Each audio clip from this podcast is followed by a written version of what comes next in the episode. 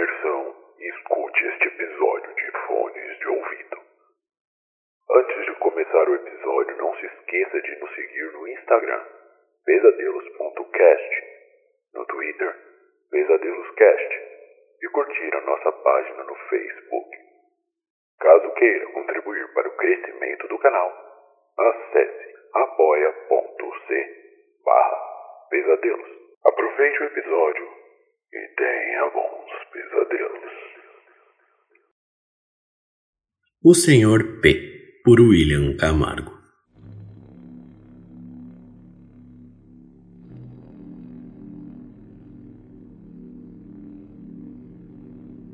Me conta de novo sobre o castelo mágico. Me conta. Fala sobre os cavaleiros, os magos, os dragões. Por favor, me conta de novo. O pequeno garoto implorava, pulando em sua cama. Só mais uma vez, por favor. O velho homem sorriu e bateu gentilmente na cabeça do jovem com carinho. Muito bem, uma última vez. Mas eu acho que já contei essa história para você pelo menos umas dez vezes na última semana. Você nunca se cansa dela, não é? O garoto afastou o cabelo dos seus olhos. Não, não, eu adoro escutá-la. É muito melhor do que os livros da escola. Ele deu um sorriso feliz para cativar o velho homem. Sorrindo de volta para o garoto, o velho se sentou confortavelmente. As rugas sábias de seu rosto envelhecido se avolumaram sob seu olhar amável. E por um momento, ele se pareceu com uma pintura de um velho oráculo. Onde você quer que eu comece? Desde o início ou em um certo ponto? Hum, murmurou o garoto, obviamente pensando sobre essa proposta. Eu não sei. Comece onde você quiser. Não, não, não, espera.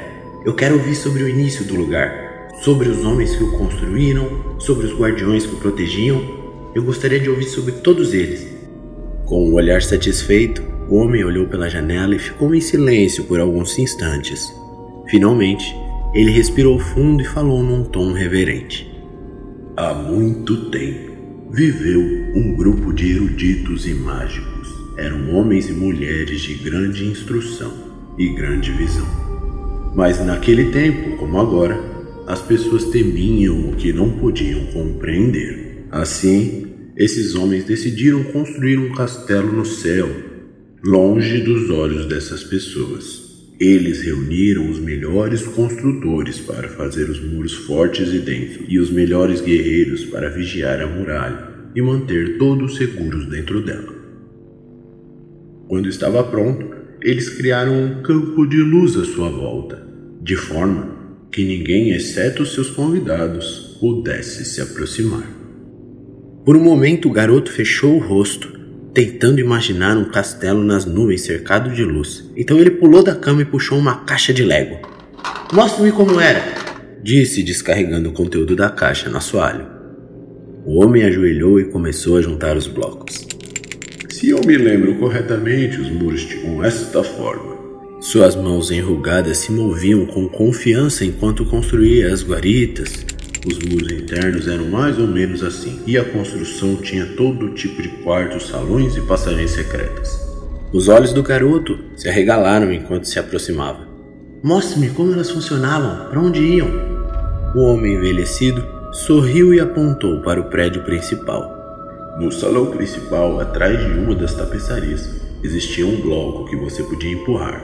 Ele abria uma porta ele afastou seu dedo no assoalho até 30 centímetros do castelo de blocos. Ela sairia aqui. O homem inclinou sua cabeça para o lado, ouvindo alguma coisa. Então bateu suavemente na cabeça do garoto. Eu ouço a Naná chegando. Melhor se preparar para dormir. Eu virei falar com você amanhã. Porta do quarto se abriu, Naná mostrou sua cabeça. Hora de dormir, Thomas. Com quem você estava falando? Thomas se arrastou para baixo de seus cobertores e encostou a cabeça no travesseiro. Ah, ninguém de verdade, Naná. Apenas o Sr. P. Naná sorriu e assentiu, com um conhecido olhar de uma babá indulgente. Ah, ele de novo. Bem, você pode dizer que eu mandei um oi quando vê-lo novamente. Ela fechou a porta e desceu para a sala. Crianças e suas imaginações ativas. Mas eu os amo assim mesmo.